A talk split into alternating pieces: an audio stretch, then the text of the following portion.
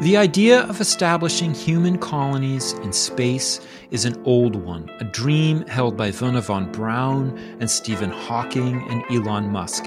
In space, they argue, our species finds its destiny. But what if it actually brings us closer to destruction?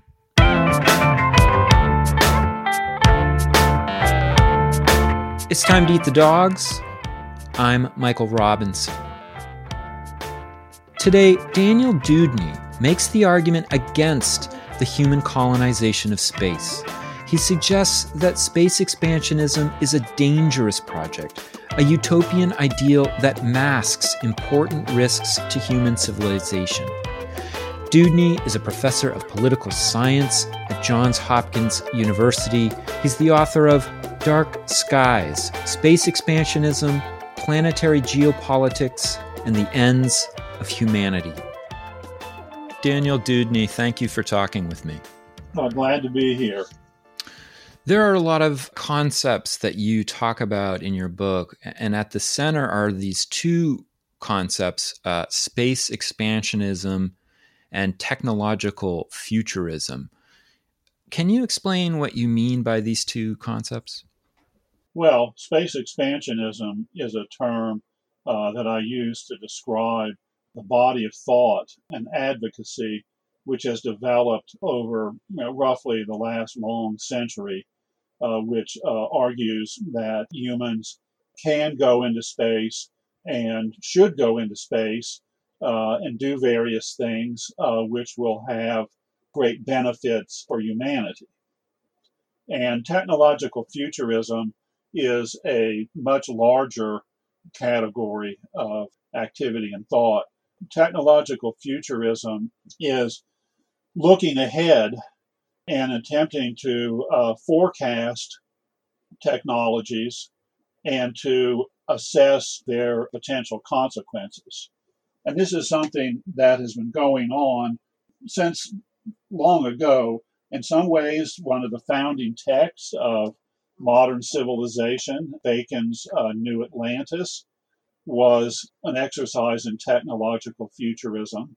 He, that's and Francis it, Bacon from the 17th century? That's right. Francis Bacon was an English statesman, politician, as well as a philosopher, political theorist. And he's perhaps best known for giving one of the clearest early versions of inductive science as a approach to acquire knowledge. But but he had a much much larger stick that was he argued that the program of acquiring knowledge that he had laid out would revolutionize the human condition, that it would, over time, uh, result in the transformation of the human estate. Uh, and in New Atlantis, it's a, a, very odd kind of science fiction uh, work, he, he lays out some of that vision. And part of this is simply the idea that well, we have this technology and that technology, and uh, you know that where did they come from? Who knows, really? But we obviously see that they're important. But what Bacon is saying, let's look ahead and uh, start imagining all of the different technologies that might exist, and start thinking about to what degree they are possible, and if we could do them, would we want to? So forecasting what is possible and assessment, uh, what are the consequences, uh, has been integral to the uh, civilization of scientific technological modernity since its beginning. And of course, with the Enlightenment, and then even more so in the 19th century, late 19th century, when the fruits of this program are unmistakable features of the human world, uh, often with great consequences technologies yeah. that we only have because of scientific advances. So, turn of the century, you get people like H.G. Wells uh, doing this, you know, with even further sophistication. And then across the 20th century, this has swollen to an immense activity, much of it routine in military organizations in corporations, government agencies more generally. Uh, it goes on, and space expansionism is one module within that larger technological futurist uh, activity. On that point, um, you make the point in your book that futurists or people who are kind of connected to this idea of uh, futurism, technological futurism, especially in space, space futurists are usually also space expansionists. And I was thinking about that. I'm like, why would that have to be? Because there are all kinds of, uh, let's say, technologies of space that don't require expansionism. You have all kinds of remote rovers, for example, and telescopes. So, what's the connection between space futurism and people who want to expand or colonize space?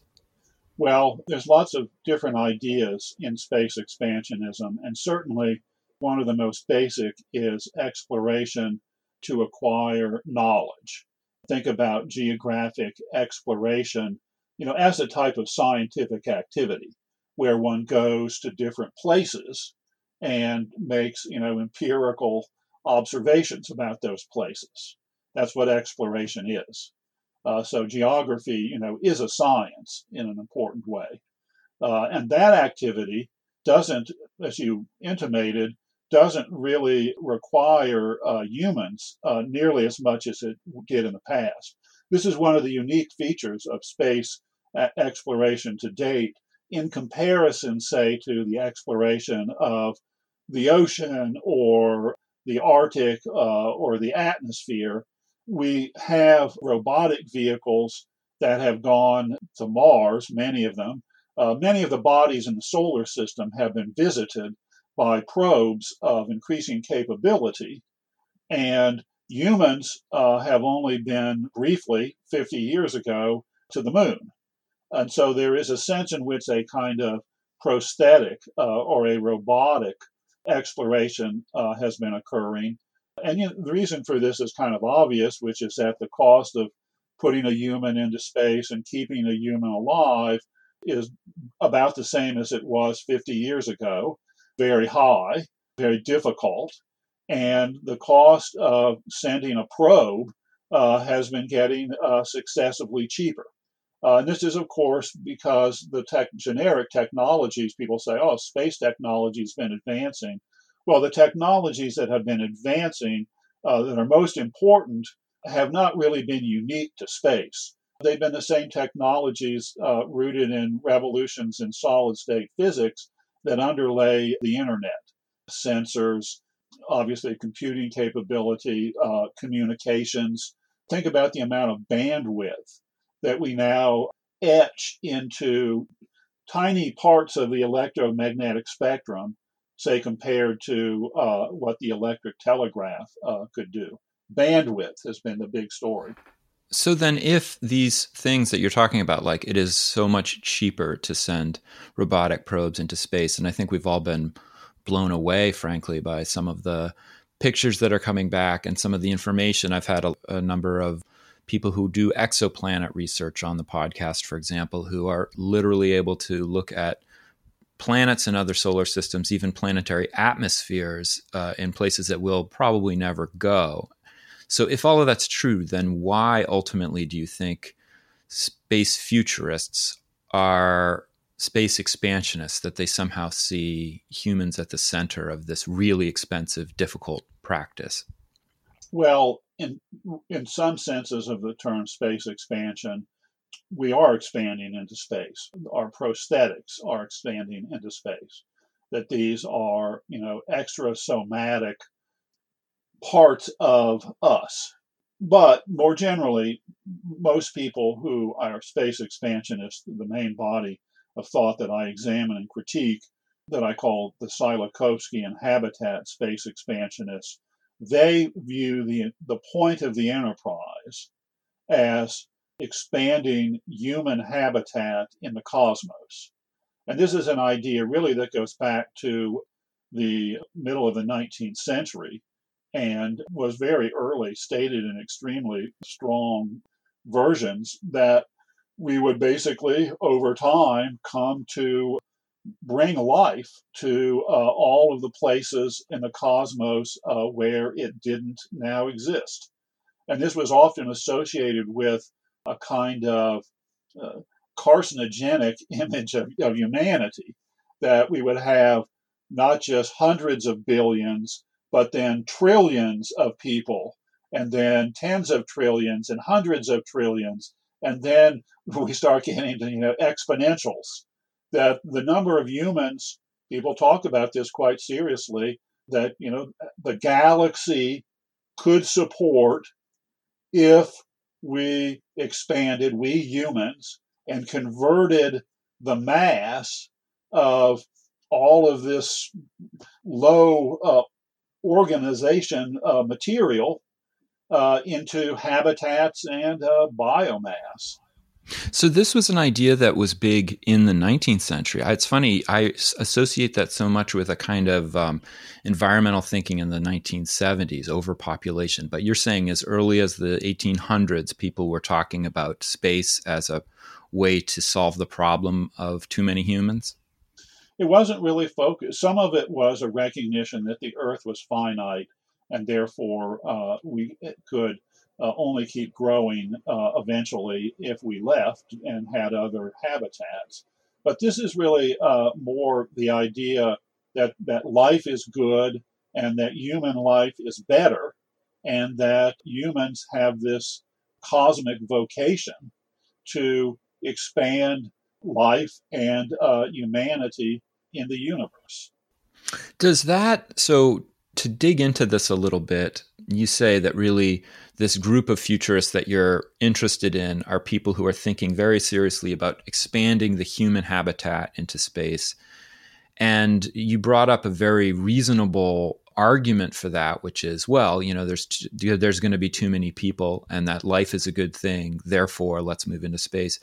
There's a bunch of other arguments that you raise in your book, people who talk about the value of, of science, doing science in space. Uh, there are other people who talk about um, having access to natural resources on the moon, on Mars, and other places. And I guess I'm wondering do you think that these are the actual ideas that animates this group, or is there a kind of core idea that lies underneath this interest in expanding human habitats into space? Well, I think that there is a tendency for people who get into the, the larger scenarios of what might be done to start thinking of this in this very broad kind of cosmic narrative about life. But I think that many people are at the same time interested in more discrete advances. As you mentioned, science, obviously, the expansion you mentioned, all this new knowledge, uh, this is one of the crown jewels of our civilization. Uh, and I, in, in my Earth oriented space program agenda, am a big advocate of this. Let's do more of it. Let's build more observatories, more probes. That this is something that is of great value. But that is very different than resource extraction from space. And of course, in the past, when we explored an area, we moved there if we could and we exploited the resources of these places as we could. And so there is an extrapolation of that, you know, pattern uh, off the planet, and this has become, you know, quite developed. Uh, it's really still all at the level of, you know, paper studies, but people thinking about, you know, how much material is in the asteroids and uh, how we might get it and process it and, you know, bring it back people talk about solar energy collectors in space. Uh, we could potentially do geoengineering in space where we would alter uh, the albedo of the planet so as to compensate for the effects of anthropogenic carbon loading. So we have a large uh, list of these types of things. Uh, and then people want to build infrastructures in space to have additional habitat for people, colonize asteroids, colonize Mars, so there's a, a range of different uh, ideas. And, and, one of the features of space expansionism to date that I hope my book uh, helps correct is how disorganized it's been. There's all these different proposals and they, all these different you know terminologies, and it's kind of a anarchy conceptually. And so I uh, suggest that there are at least to date three sort of main programs one that I uh, call the von Braun program, which is weaponization, uh, the Tsiolkovsky program mentioned a minute ago, habitat space expansionism, and then what I call the Clarke Sagan program, uh, which is a uh, Earth planetary security program, uh, more modest, focused on de-weaponization and the use of space technology uh, where appropriate to preserve the habitat of the planet. So I've often had uh, this feeling it's it's really kind of a hunch and not something I can prove, but that this chaos that you're talking about of different ideas that animate the promotion of space expansionism that actually that that these things are not really the things driving people's interest in expanding. In other words there are all kinds of environmentalists who are concerned about sustainability and overpopulation. I don't see them out at the forefront of space futurism. And like, you know, mining companies, they could be doing it, but they're not the ones who are leading the fight on resource extraction. And I guess part of me feels like people are reverse engineering motives to get into space, to have space habitats, because what they also ultimately want is the space habitat. And I guess I'm still trying to figure out the driver there. And I had a um, guest, a, a, scholar of religion, Catherine Newell, on the program uh, about a year ago, and she she talked about the way that there are these I- religious ideas that connect to space that come from the American frontier, manifest destiny, and that even though space is talked about in very um, secular terms today, that there still is something of the sacred about it in the way people talk about it.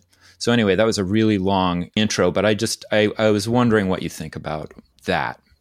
Well, scientific technological modernism from its beginning has had heavy religious trappings, but it's uh, radically different than most of the phenomenon that we think of as religion because it is one which puts humans and the expanse of humans in the central position. That the objective, and this is really quite clear, the expectation in, in Tsiolkovsky uh, and others way back uh, at the beginning of this type of thought, that there will be. Uh, he's he's the uh, just for purposes of clarification. He's the Soviet author and novelist who talks about space. Well, Konstantin Tsiolkovsky lived in the latter part of the Russian Empire and the first uh, two decades or so of the uh, communist era. So he was very much uh, a product of a science fiction, technological futurist, uh, mm-hmm. space expansionist culture that existed transnationally around the turn of the last century. And he was very much influenced by this body of thought called cosmism. There's different versions of it, but the idea being that humans uh, are destined to become gods. Uh, that humans are, it's an apotheosis scenario. That through science and technological transformations, humans would acquire uh, more and more godlike features. You mentioned at the beginning of the interview that these ideas of technological progress that advances into space is a really old idea. It goes back to the 19th century with writers like H.G. Uh, Wells and Jules Verne and a variety of other authors, and that that becomes embedded in the the vision of space expansionists, the idea of colonization. I was wondering, I mean, there are also other threads within popular culture. For example, dystopian um, science fiction. You know, I'm thinking about Frank Herbert's uh, novel Dune, uh, which is a, quite dystopian and very anti-technological in the in the 60s, or even uh, the Planet of the Apes novel or the movies uh, that came out in the 60s, as well as let's say people who are criticizing space expansion for not in science fiction, but just you know as as an environmental issue or as a civil rights issue. Why do you think that uh, this one thread gets sucked into that? That becomes the dominant thread of space expansionist ideas, and not all of the dystopian stuff. Well, it is very interesting uh, that there is so much more uh, science fiction dystopian literature than there is science fiction utopian literature. Yeah. You know, maybe that's because utopias, you know, would be kind of dull places, Yeah. and that uh, science fiction, science fiction, remember, is not full scientific technological futurism. Uh, it has strands of it. It borrows it, you know, when convenient, and then not when not. But uh, it's a, a, form of literature and uh, has to engage and entertain. And so the uh, audiences like uh, heroes, uh, obstacles to overcome, you know, great epic challenges, and you know, dystopian also has the potential of being the sublime, of, of being horror uh, stories in various ways. Think about how, how many people like to get scared, like to have that type of sublime. And that's always been in science fiction. And of course, the other feature of science fiction, you know, as a guide for our potential space futures, is that much of the science in it is fictional, which is to say, it, it assumes that technologies are possible that almost certainly aren't, mm. given our understanding. You know, nature obviously that can change over time, but most importantly, we would note faster than light travel. Mm-hmm. Think of how much uh, space science fiction would vanish if we didn't have faster than light yeah, uh, yeah, travel. Right. Indeed, much much faster than light travel. Although The Expanse is pretty Uh, good, this new set of novels and TV shows. I don't think they have light travel, but that's anyway. That's a different point. Um, Well, oh no, th- no, the portals. Uh, they go through those, and then oh yeah. in an instant, you know, they're at other systems. So, um, you know, the other thing I noticed as I was reading your book was that this group of space futurists, as you you know move it all the way back from the 19th century, but even into the middle decades of the 20th century, or even the present, it's people like Wernher von Braun through Elon Musk. And they are all, interestingly, of the same demographic, more or less. They are white men of a certain age, and they are the ones you know, even today, who are the ones at the forefront of the space futurist movement. And it's not to say that science fiction or other people interested in space follow this demographic. I mean, Octavia Butler and other um, novelists of color are writing about space a lot. Do you think there's anything to that, that this vision is driven by a certain demographic? Well, it certainly is the case that the literature is almost uh, entirely produced by white men from Europe, America, and Russia. And this is, of course, in part because these were the societies in which industrialism Yeah. was coming in.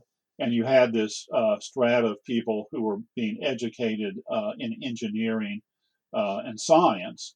And what we've seen is that as the Industrial Revolution, as a, as a predominant way of life within different societies, uh, has spread, so too has space expansionism. Mm. China is a country which obviously has done a very telescoped uh, leap over the last four decades or so. And space expansionist thought, much of it in, in the form of science fiction, you know, is extremely prevalent there. So, in, in other words, there's a kind of sense in which space expansionism is the kind of default futurism of a society that is devoted itself significantly to industrialism and the transformation of the fabric of life uh, through the application of science and technology. It's, it's just the kind of connect, extrapolate from that is what space futurism Yeah. Uh, essentially is. So I've been digging into all of the historical questions here because I'm a historian, but actually, you have some pretty important things to say about space expansionism, your worries about it as a set of policies, and the ways in which you feel that it can actually hold us back um, rather than send us forward. So, could you? I mean, I know this is a lot to do because you you spent a lot of time in this, but is there a way you could kind of, in brief, give us a highlight reel of your critique of space expansionism, the most important salient, you know, point of it? Yes, definitely can do that. The book Dark Skies is an attempt to assess space expansionism, and it does so in two ways. One is it looks at all the things that have been done in space to date. It's a very heterogeneous, you know, set as we mentioned earlier, but it's remarkable that despite all of the space history and despite all of the rumination on the various anniversaries, that we don't have any work that I'm aware of which says what is the overall net effect of space. Yeah. And you're right about that. I try and do that. And obviously, you know, very synoptic, obviously very heterogeneous activities. So you're going to do a ledger sheet, and some uh, are positive in, in, major ways, others are positive in secondary and tertiary ways. And obviously, the most important positive one has been knowledge. This crown jewel of our civilization. We know vastly more about this planet and, and its cosmic context than we did before. But the most important effect that we have underappreciated, I argue, has to do with the probability of nuclear war. Uh, mm. One of the uh, arguments that the space expansionists are always making is that, oh, we need to go into space because all of our eggs are in one basket.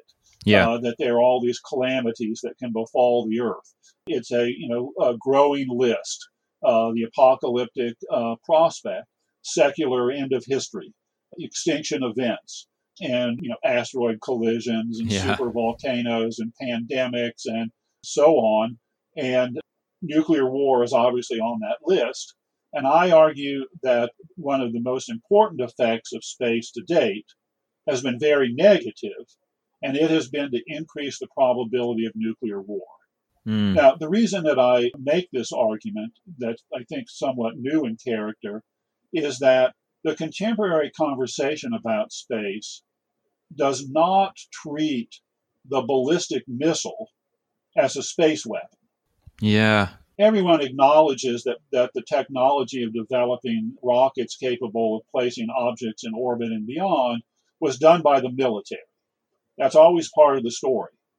But then when we get the first satellites, the fact that these rockets are still being used for their primary purpose, which is to lob munitions around, falls out of the space story. And I argue that the category of space weapons must include ballistic missiles. Ballistic mm-hmm. missiles are inherently space weapons because what they distinctively do as weapons, which is to go very fast, that's why they're appealing, is only possible because of unique features of the space environment, which is to say, the vacuum, which makes extreme velocities at those distances possible. And so I argue that one of our largest and most consequential space programs is not recognized as a space program. It's hiding in plain sight. It's an unknown known.